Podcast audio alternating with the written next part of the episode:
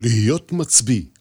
מאמר זה מבוסס על שיחת הרמטכ"ל רב-אלוף אביב כוכבי עם לומדי קורס פיקודי בכיר. מתוך בין הכתבים, גיליון מצביעות.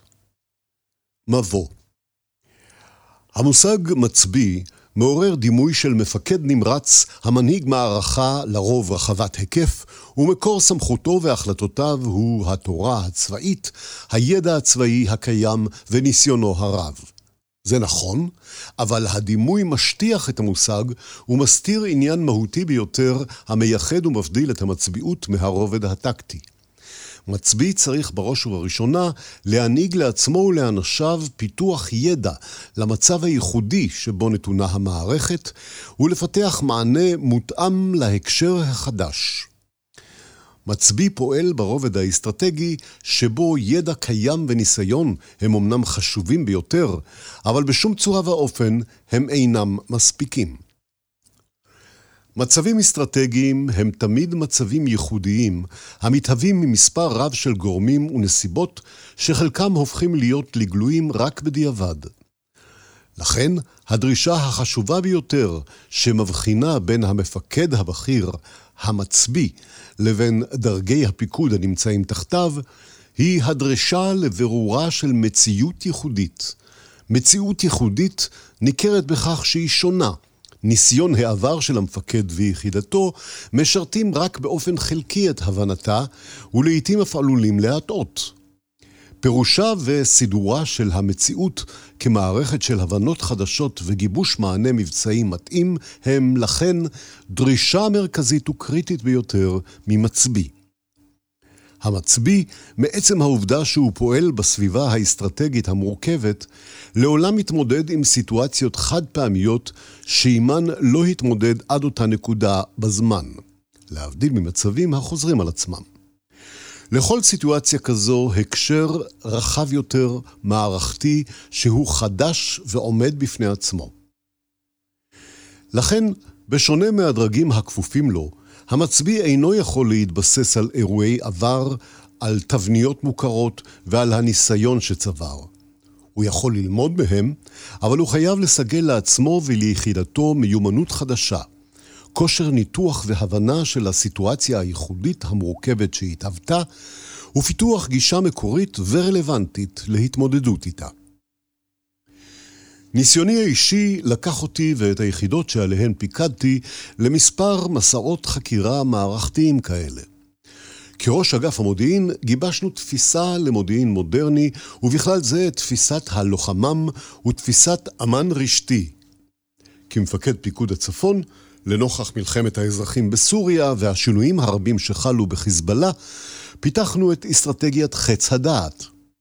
כסגן רמטכ"ל קיימנו תהליך למידה חשוב על מערכת בניין הכוח הצה"לי, ואת אה, מסקנותיה אנו מיישמים בין היתר בתר"ש תנופה. כל התהליכים הללו ביטאו למידה ארגונית שבמוקד שלה ניצבה חקירה מערכתית ופיתוח מענה מותאם למצב הייחודי. תכלית השיחה הנוכחית היא להציג לכם את הלקחים המרכזיים שהפקתי מהתהליכים האלו ומכלל ניסיוני הצבאי ביחס לנושא המצביעות. המצביא כמנהיג למידה ארגונית, חמש הבחנות מקדימות. הבחנה ראשונה, הדברים שאציג הם מחשבותיי ופרי ניסיוני. קיימות דרכים נוספות להתמודד עם מצבים מורכבים וייחודיים בארגונים גדולים. הבחנה שנייה, משהו על אומנות. כל אדם שיוצר מכיר את הנטייה של אומנים להגיע לשיא של הזדהות עם יצירתם ברגע שהיא הושלמה. אבל זו הזדהות שנמשכת זמן קצר. אחריה מתחיל תהליך של התרחקות מהיצירה כפועל יוצא של ביקורת עצמית והשתנות. שנים מאוחר יותר עשוי האומן למצוא את עצמו שואל בביקורתיות, אני יצרתי את הדבר הזה? זו תכונה טובה, המקדמת למידה. הבחנה שלישית, שינוי מול הצורך ביציבות. מפקד בכיר פועל בסביבה המאופיינת כמערכת פתוחה, אשר מורכבת מאין ספור גורמים, שרבים מהם מקרינים זה על זה ומשתנים באופן תדיר. לאנשים, במיוחד במערכות גדולות ובארגונים, יש קושי לחיות בתודעה שהכל זורם ומשתנה כל העת. זו דרישה מנטלית מאתגרת לחיות בתחושה מתמדת שהעולם הוא כבר אינו אותו עולם, אפילו מהרגע שנכנסנו לשיחה בחדר הזה. גם כמפקד הצבא, אני פועל מתוך מודעות עמוקה לכך שהמערכת שאני מופקד עליה משתנה כל הזמן. ובוודאי שהיא אינה אותה מערכת שפגשתי ברגע שקיבלתי את הפיקוד על צה"ל, והיא לא תהיה אותה מערכת בעת סיום תפקידי. מנגד, הפרקטיקה של פיקוד וניהול מחייבת יציבות, שיטה, נהלים, תורה, יצירת עוגנים והתמחויות קבועות. פרקטיקה זאת היא חיונית והכרחית, אבל היא עלולה לשמש מעכב למידה וחוסמת שינוי והתחדשות. מן הצד האחד, הפיקוד הבכיר מבין שהארגון צריך יציבות, ומן הצד האחר, יציבות ושיטה הם ההפך משינוי בהקשר ומהשתנות. ההבחנה הרביעית קשורה לרעיון ההתהוות. כשאדם חי בתודעה שדברים רבים נמצאים כל העת בתנועה ובהתהוות, הוא טעון לגמרי בתמריץ ובדחף ללמידה. הוא מבין את הצורך לחקור את הסיטואציה, להבין מה השתנה ולזהות את הכוחות הפועלים ואת היחסים ביניהם.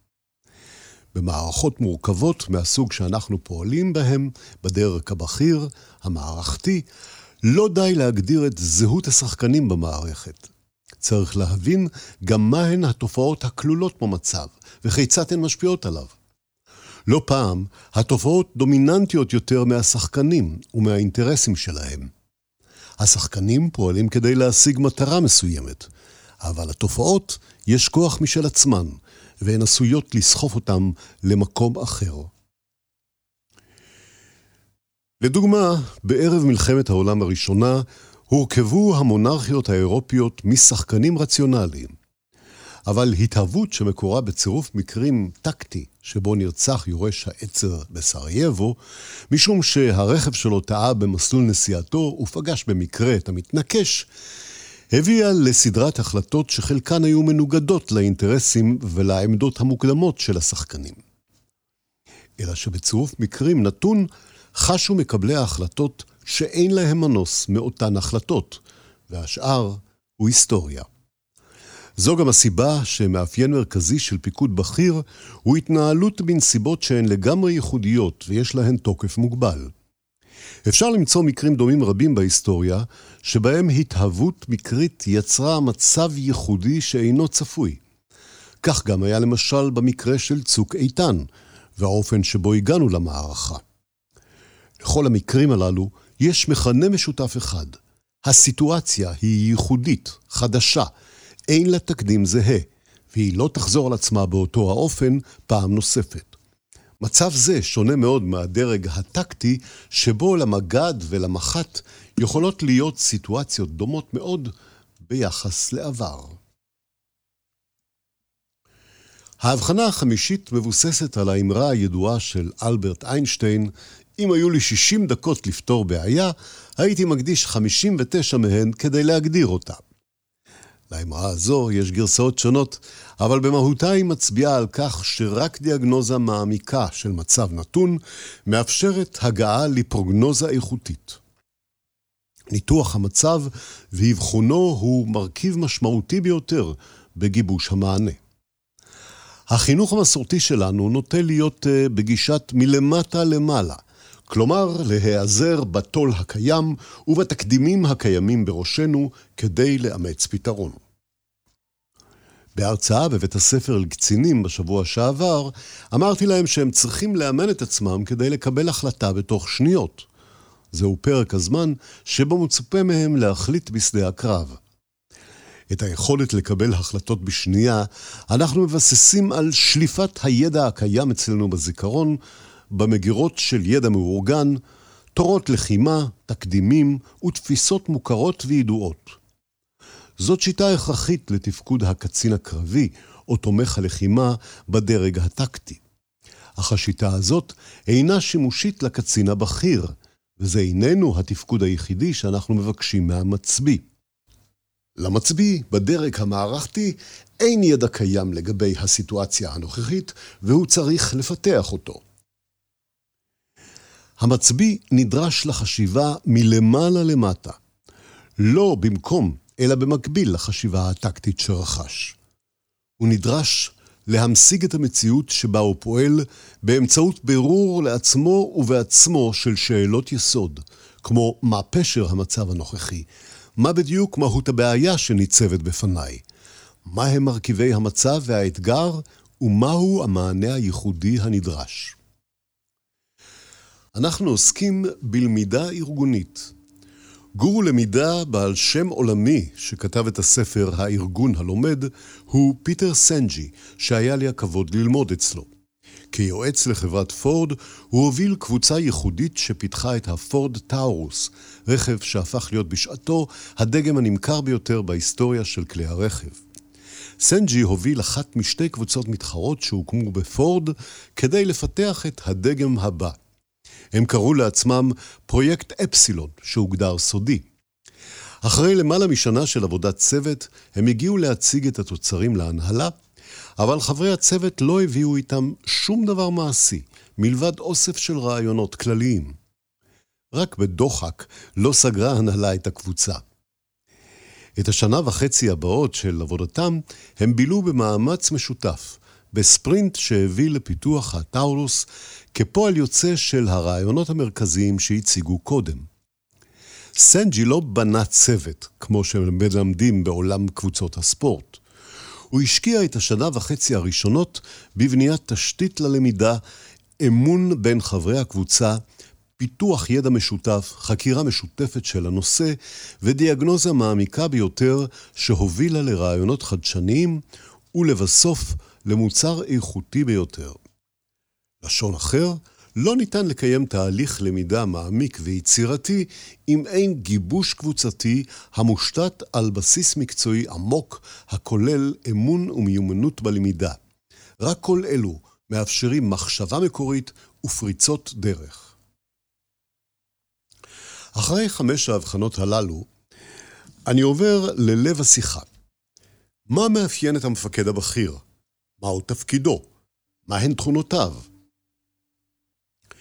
לנושא שלשמו התכנסנו כאן, המפקד הבכיר הוא בראש ובראשונה אחד שמבין שאין ידע רלוונטי קיים שניתן לשלוף, והוא לוקח אחריות על פיתוח הידע שיש לו וליחידתו. בגזרות אה, רמת הגולן, לבנון, איו"ש ורצה, לעולם תהיה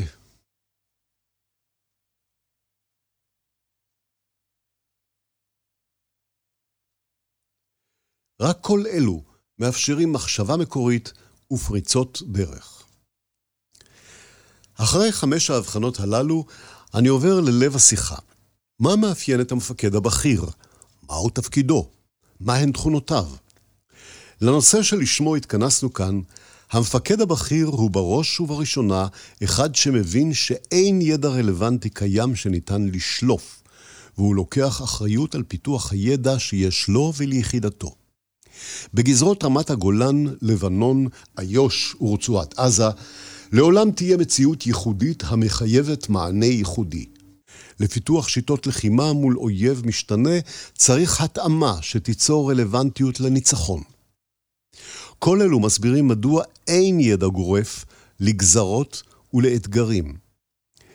לבתי הספר שבהם אנו מכשירים את הקצונה, יש תפקיד עצום בהקניית בסיס הידע המקצועי.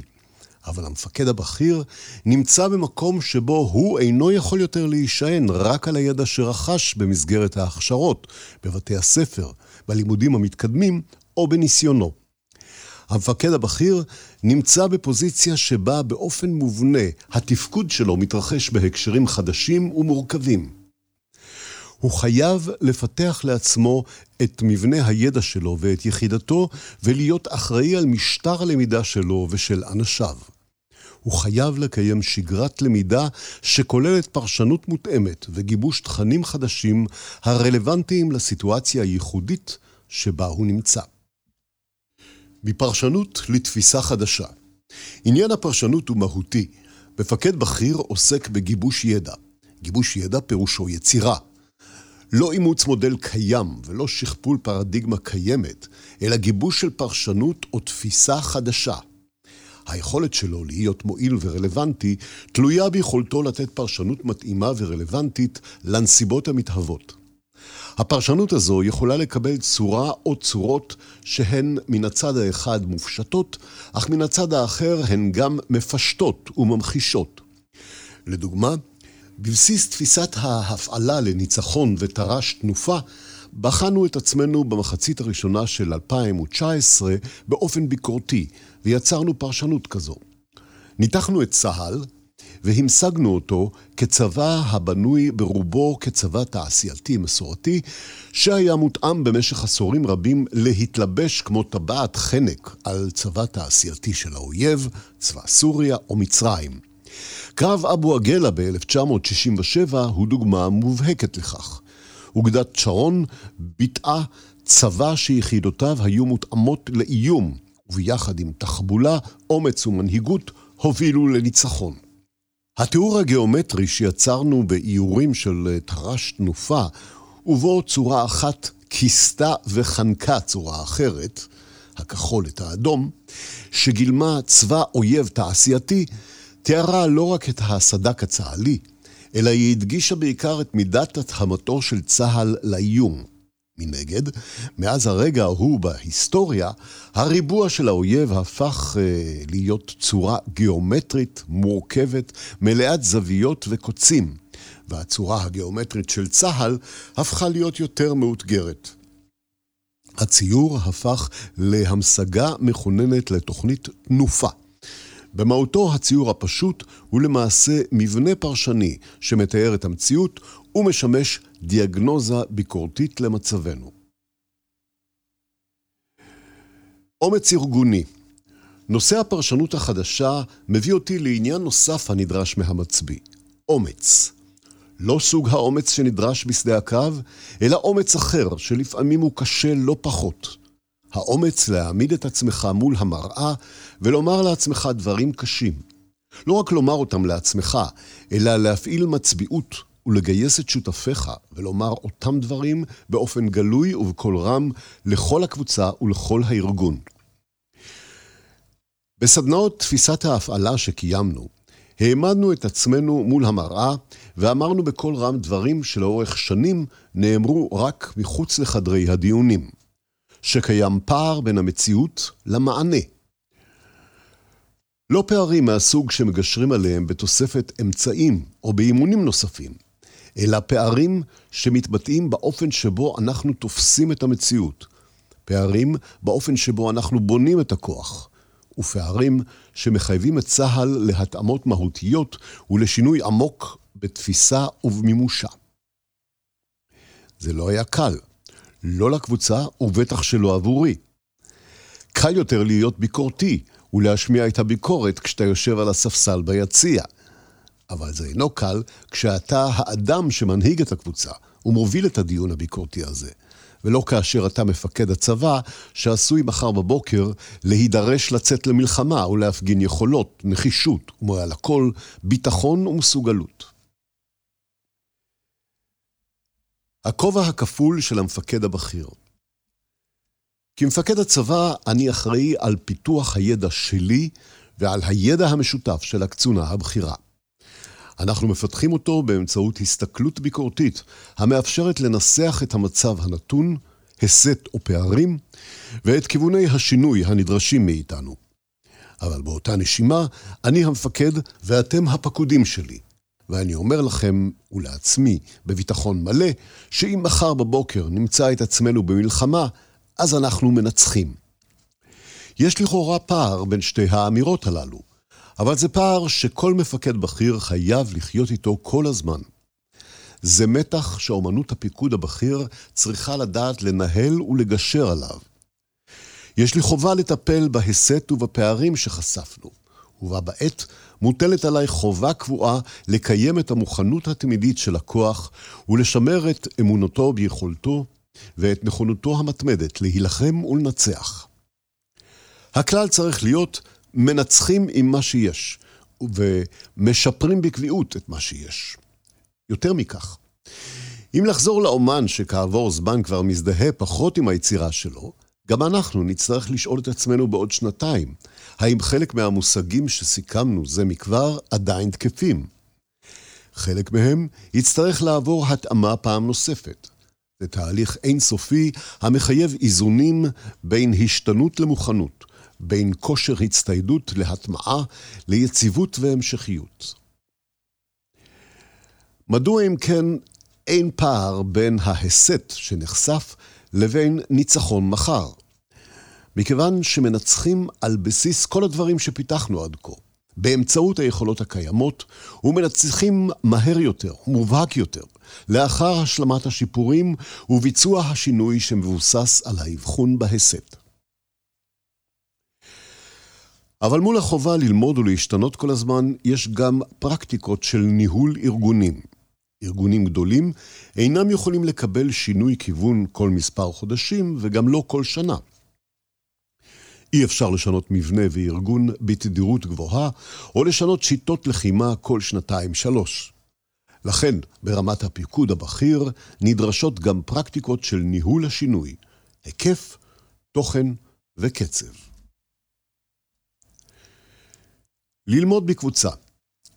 יש לנו נטייה כמפקדים לשאוב השראה ממצביעים בולטים לאורך ההיסטוריה, ואנו מייחסים להם תכונות אישיות של הבנה מעמיקה את שדה הקרב, כריזמה פיקודית, תפיסה מערכתית ורעיונות מבריקים. הנטייה מוצדקת, והם ראויים לכך. אבל ביסוס ההצלחה על עניין אישי בלבד הוא שגיאה. במציאות מורכבת, לימוד קבוצתי הוא מפתח להצלחה. זהו כוח עצום שהיהדות למשל, בשיטת הלמידה בחברותה, הבינה ואימצה. בנייתה של מערכת ידע חדשה היא יצירה לכל דבר ועניין. זו יצירה מורכבת שהמוקד שלה הוא אינו רק עיבודו של חומר רב, אלא בעיקר היכולת להבין את הסיטואציה לעומקה ולהפיק ממנה תובנות עמוקות ורלוונטיות. במקרה של צבא, לפתח מענה אופרטיבי. חשיבות הלמידה בקבוצה נובעת מכמה מישורים משלימים. ראשית, מוחות רבים יותר, זוויות הסתכלות מגוונות יותר, אופני חשיבה שונים רבים יותר. והמשמעות של כל אלה היא יותר רעיונות בחדר. זאת אינה רק חוכמת ההמונים, כפי שנוהגים להציג אותה היום, אלא זה בעיקר כוח יצירתי גדול יותר שטמון במפגש ובסיעור מוחות משותף ופתוח. שנית, היצירה שמתקבלת באותו סיעור מוחות קבוצתי, כשהיא מתקבלת, מעובדת ומסוכמת על ידי המפקד. היא יצירה משותפת. רמת המחויבות של הקבוצה כלפי היצירה המשותפת היא אחרת לגמרי מרעיון שנוצר במקום אחר או רק בראשו של המפקד. בדרגות הבכירות, פקודה היא כוח מניע וחשוב, אך הוא אינו מספיק. רעיון שנוצר במשותף הוא רעיון שכוח הסחף והרתימה שלו חזק בהרבה, ומכאן גם גדלים סיכוייו להתממש. שלישית, קבוצה היוצרת ביחד מפתחת לעצמה שפה משותפת והבנת עומק של האחד את האחר. זו לכידות משמעותית מאוד, שכוחה יפה לא רק ביחס לאי-הבנות, שקורות תמיד, אלא גם כבסיס מוצק שמאפשר הרחבה נוספת של הידע למעגלים נוספים. רביעית, תהליך משותף, חשיבה משותפת, ריבוי זוויות ראייה וחשיבה, יוצרים רעיון טוב יותר, לא רק רעיון טוב וחזק יותר, אלא גם רעיון משותף.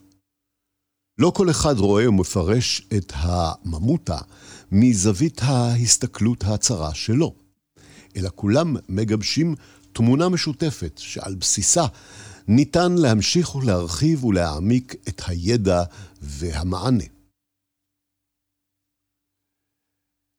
על מנת להצליח בתהליך למידה קבוצתי כזה, נדרשת קודם כל נכונות אמיתית של המפקד לקיים למידה פתוחה וביקורתית. כדי שהקבוצה תהיה קבוצת למידה אפקטיבית, היא צריכה לייצר לעצמה בסיס למידה משותף. בסיס כזה נוצר כשמסכימים על המתודולוגיה של הלמידה ונשענים על סקירות עומק שלהן שותף באופן קבוע ושיטתי הפורום כולו. הלמידה בקבוצה היא כל כך משמעותית, שכדאי לכל יחידה או גוף לשלב בה גם את הרמות שמעליה. פיקוד ישלב את המטה הכללי, ואוגדה את הפיקוד. נכון מאוד לשלב בתהליך גם גורמים מקצועיים, אמ"ן, חיל האוויר ועוד. כל המשתתפים בתהליך יהפכו בתום המסע לסוכני שינוי חיוניים, הן של ההבנות שפותחו והן של הצורך והיישום. מכל התיאור עד כה, אתם מבינים שנדרש לכל זאת זמן.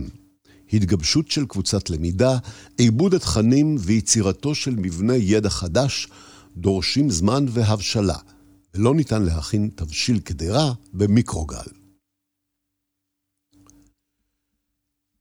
הבניית דיון פורה ועכשיו משהו על היכולת ללמוד מאנשי מקצוע וממומחים שאינם משרתים בארגון. ידע מתפתח כמעט אך ורק מתוך הפוזיציה הייחודית של מי שממלא תפקיד ונושא באחריות למשימה. צריך לשאת את תרמיל האחריות ולחוש את המחויבות לבעיה כדי להתמודד עם האתגר ולקיים תהליך למידה אפקטיבי.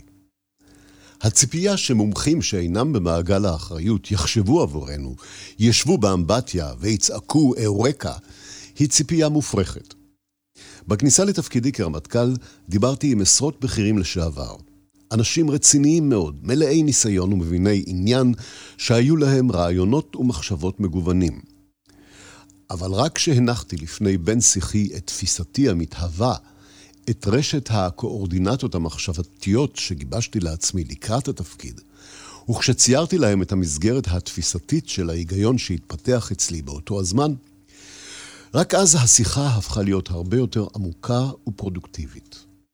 המומחים, בעלי הניסיון והבכירים, לשעבר ובהווה, ידעו לסייע לי לבנות ידע ופרשנות, ותרמו הרבה יותר מרגע שהנחתי את המסגרת ההגיונית הכוללת שיצרתי. לכן, מן הצד האחד אל תמהרו להיפרד מהמומחים ומבעלי הניסיון, אבל דעו להיעזר בהם כראוי. מיומנות של מפקד בכיר היא לדעת כיצד להפעיל את הקבוצה שאיתה הוא עובד בכלל, ואת כישוריהם של המומחים בתוך כך בפרט.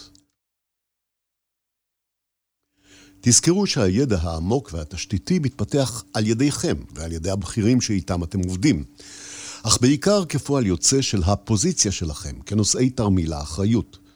ככובד משקל האחריות, כך עומק הניתוח.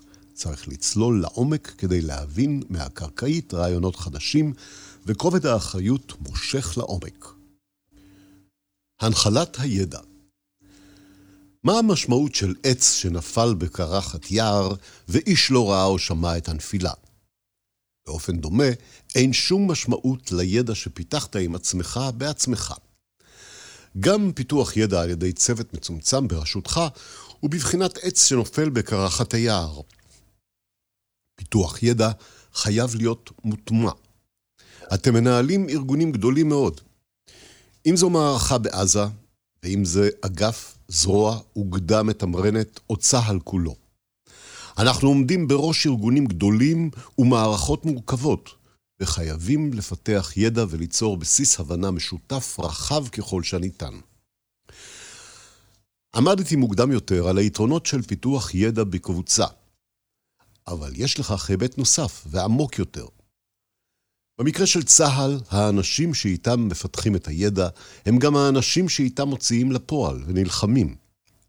הידע שאנחנו נדרשים לפתח כדי להיות אפקטיביים איננו הידע האובייקטיבי שניתן לקרוא בספר, ללומדו, להבינו ולפעול לאורו. אם הידע הייחודי להקשר נתון יפותח בלי הקבוצה המרכזית אשר נדרשת לממש את הידע ולהוציאו לפועל, הנזק עלול לגבור על התועלת.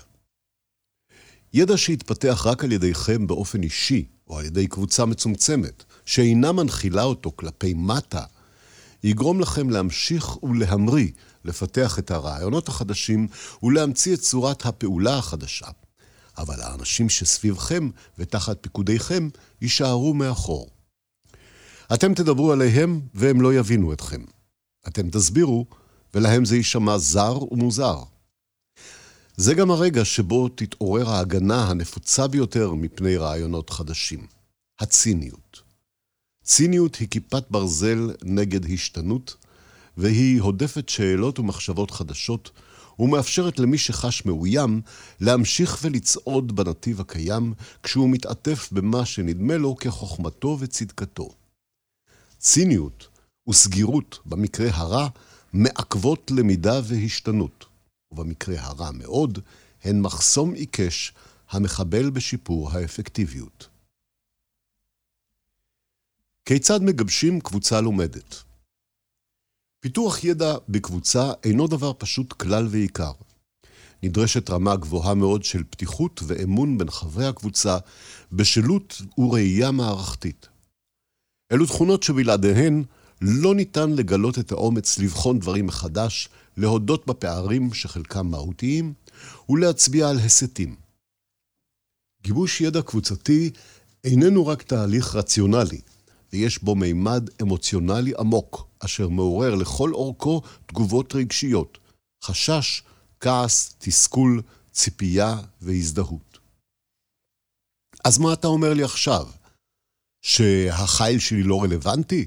שאנחנו לא מספיק טובים או לא מספיק אפקטיביים בלחימה אורבנית?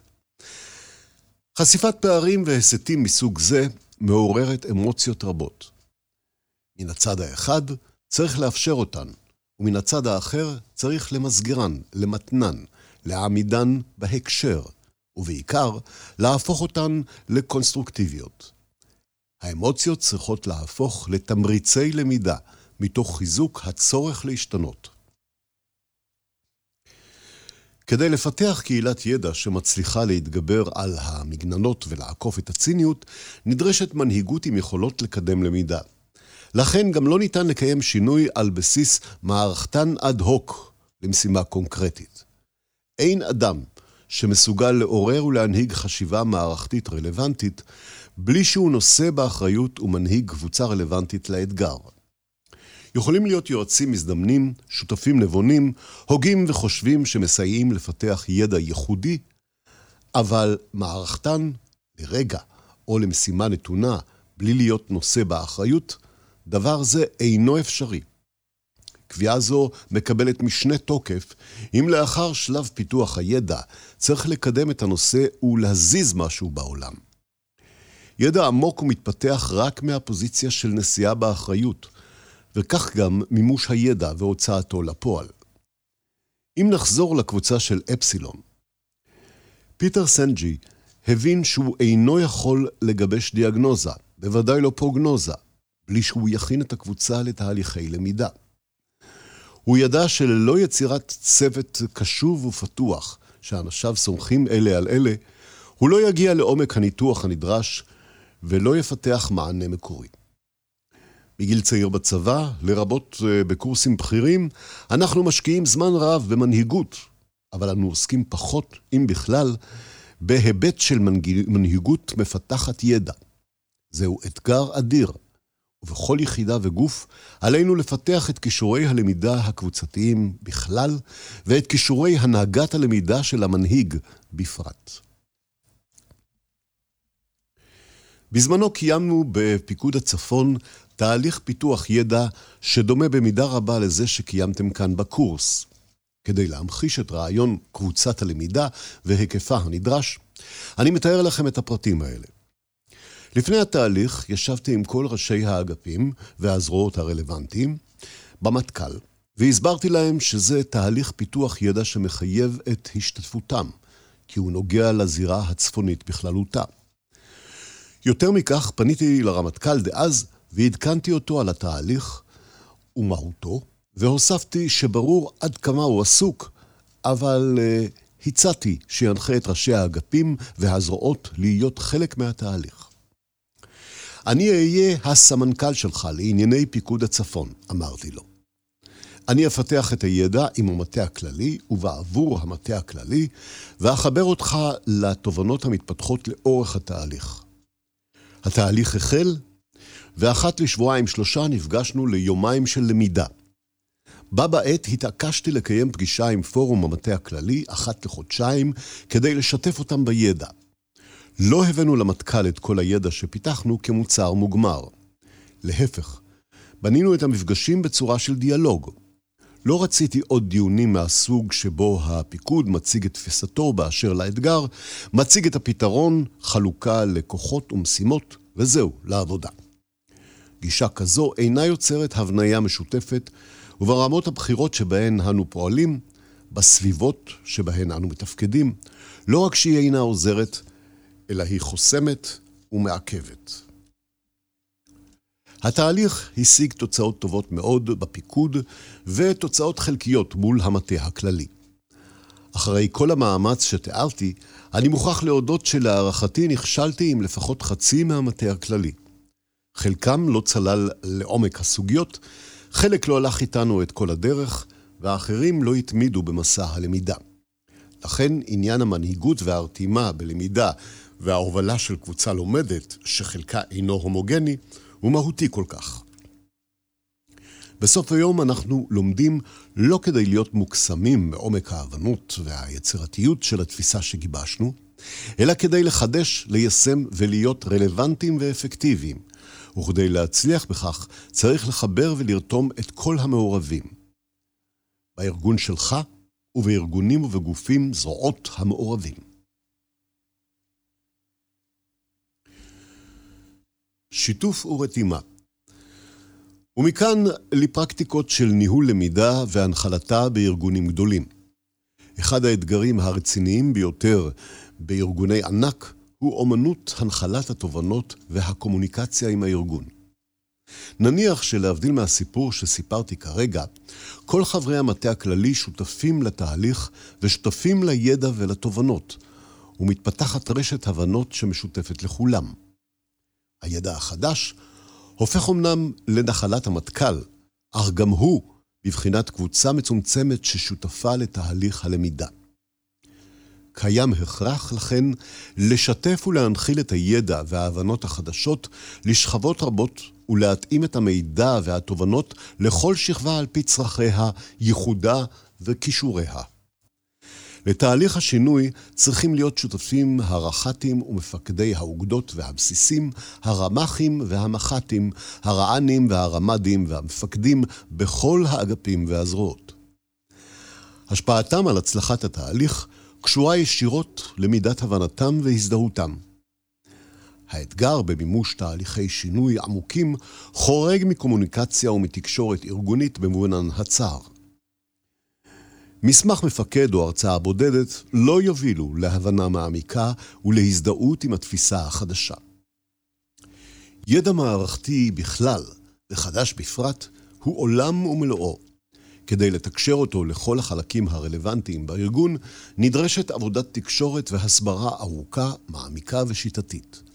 קבוצת למידה בכירה יכולה לייצר יהלומים, אך אם אלה לא ירדו ולא יוטמעו לכלל דרגי הארגון, התהליך והידע יהיו חסרי משמעות. תפיסה חדשה ותוכנית עבודה חדשה צריכות לחבר ולסחוף את כל הארגון, כדי שכל המעורבים יפתחו אמל"ח, שיטות לחימה, תרגולות, יתאימו מבנה וארגון ועוד ועוד. רק הנחלה עמוקה ורותמת של התובנות, תוך יצירת הזדהות, תמריץ את כל הארגון לחולל את השינוי הנדרש. תהליך ההנחלה וההטמעה צריך לכלול מגוון שיטות ואמצעים. דפי מפקד, סקירות עומק כתובות, סרטוני וידאו של הרצאות, ימי עיון, שולחנות עגולים, השתלמויות, שיחות קצינים פתוחות ועוד ועוד ועוד. זהו מאמץ נרחב ומתמשך, שכל תכליתו לוודא שכל המעורבים מבינים את התובנות, מפרשים אותן נכון, מפתחים הזדהות ומיישמים אותן כראוי.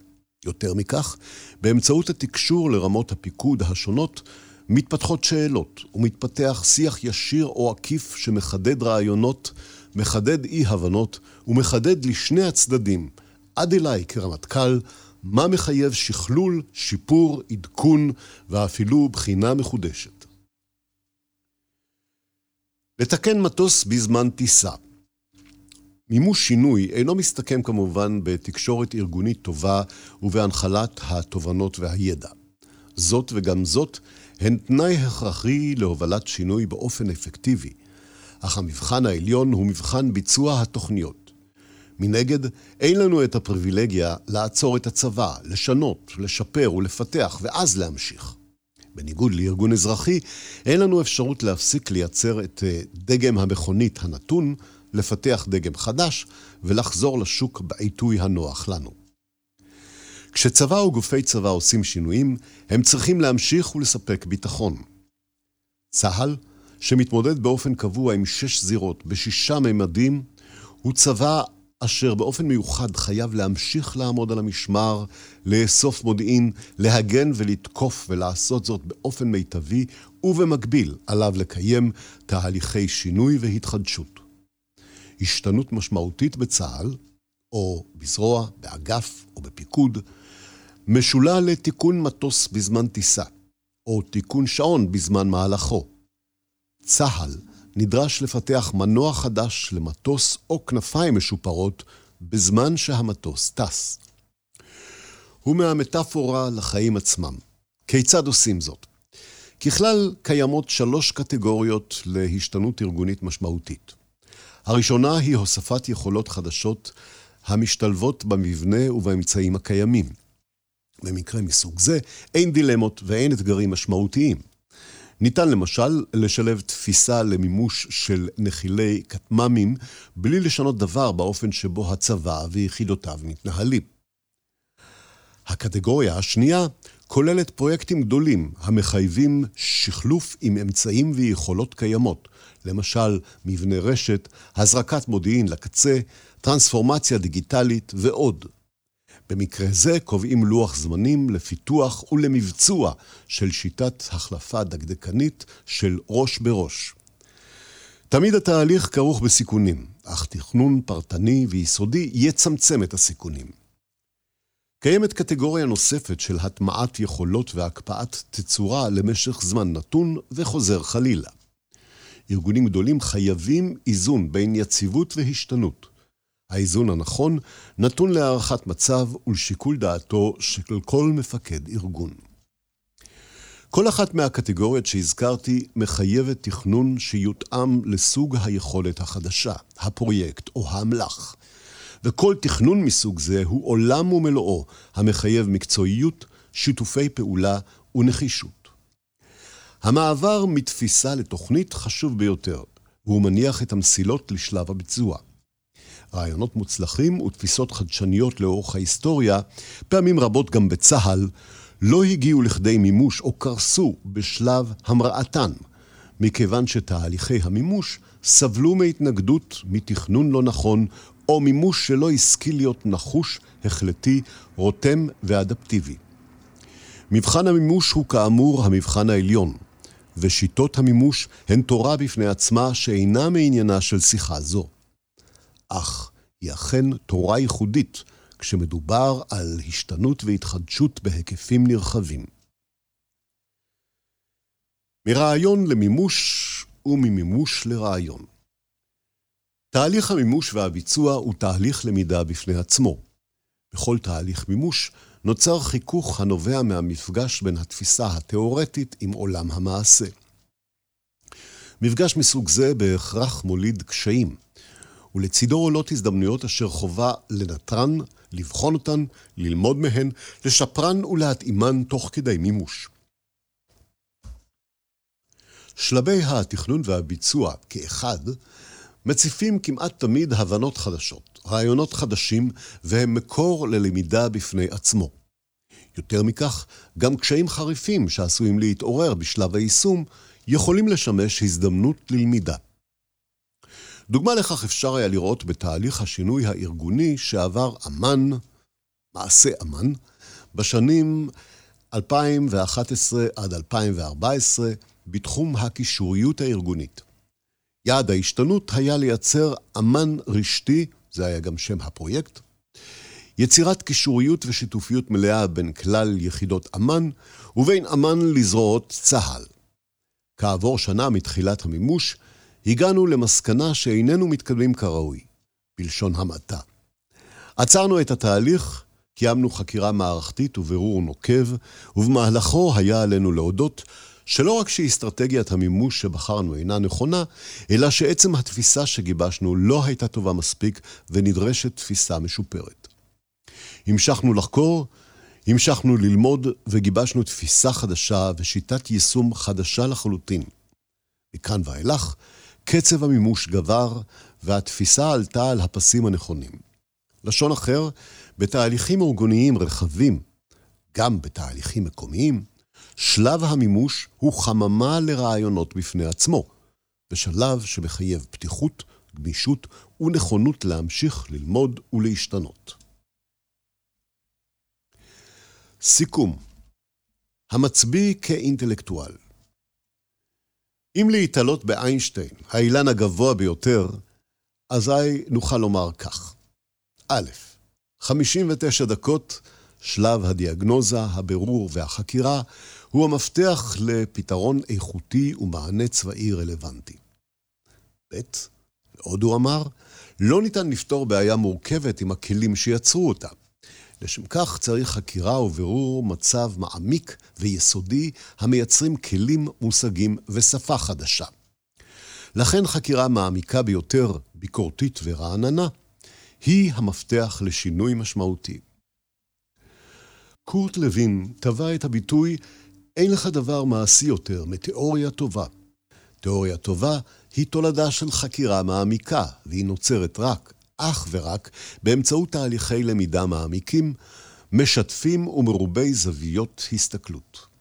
תהליכים מסוג זה הם ביטוי מובהק למצביעות. אמרתי, ואומר פעם נוספת את המובן מאליו, מבחן המימוש הוא המבחן העליון. אבל רק תיאוריה רלוונטית, המותאמת למצב ולאתגרים, תאפשר מענה ראוי. חקירה המולידה תיאוריה חדשה מחייבת מאמץ אינטלקטואלי, ולכן הדרישה הבסיסית ממצביא, אשר לעולם נתקל במצבים ייחודיים ומורכבים, היא להיות אינטלקטואל. מפקד בדרג הטקטי שולף פתרונות מארגז כלים קיים ומהניסיון ההיסטורי. מצביא מגבש לעצמו ידע ייחודי וסט כלים ייעודי המותאם למצב החד-פעמי שבו הוא נתון. פיקוד בכיר מחויב לחשיבה מערכתית שפירושה גישה אינטלקטואלית. נסיבות אסטרטגיות, המצב המדיני, הצבאי, הגזרה, האויב, הן לעולם ייחודיות. המדע והטכנולוגיה לעולם משתנים, והסיכונים וההזדמנויות צצים כל הזמן. כל אלו מחייבים חשיבה ביקורתית, פיתוח ידע, הבניית הידע, הנחלת הידע והטמעתו ויישום. כל מה שתיארתי אינו אלא תהליך אינטלקטואלי מורכב, מסועף ורב-ממדי, אשר לאף מפקד בכיר אין את הפריבילגיה להתחמק ממנו, או לנסות לפשט אותו באופן מלאכותי. המצביעות האסטרטגית הייתה תמיד מורכבת, ובעידן המודרני היא מורכבת שבעתיים וגם מזמנת שבעתיים הזדמנויות. כדי להתמודד עם אלו בהצלחה, נדרשת מצביעות אשר בבסיסה מונחת הדרישה לגישה אינטלקטואלית. מצביא נבחן ביכולתו לזהות מצב, להשתנות ולהתאים את האסטרטגיה למצב המיוחד. כדי לעשות זאת בהצלחה, עליו להנהיג למידה קבוצתית ומעמיקה ויישום נחוש יצירתי, נבון ורותם. כל אלה מחייבים שהמצביא יהיה אינטלקטואל, איש מעשה ואמיץ. אינטלקטואל המזהה מצב ייחודי, החוקר והמפתח ידע ומענה ייחודי. איש מעשה הרותם את המעורבים ומוציא לפועל. אמיץ, נכון להיות ביקורתי ולהכיר בפער ובהסת, ומעז לשנות, גם נוכח התנגדויות ולקיחת סיכונים. רב-אלוף אביב כוכבי, ראש המטה הכללי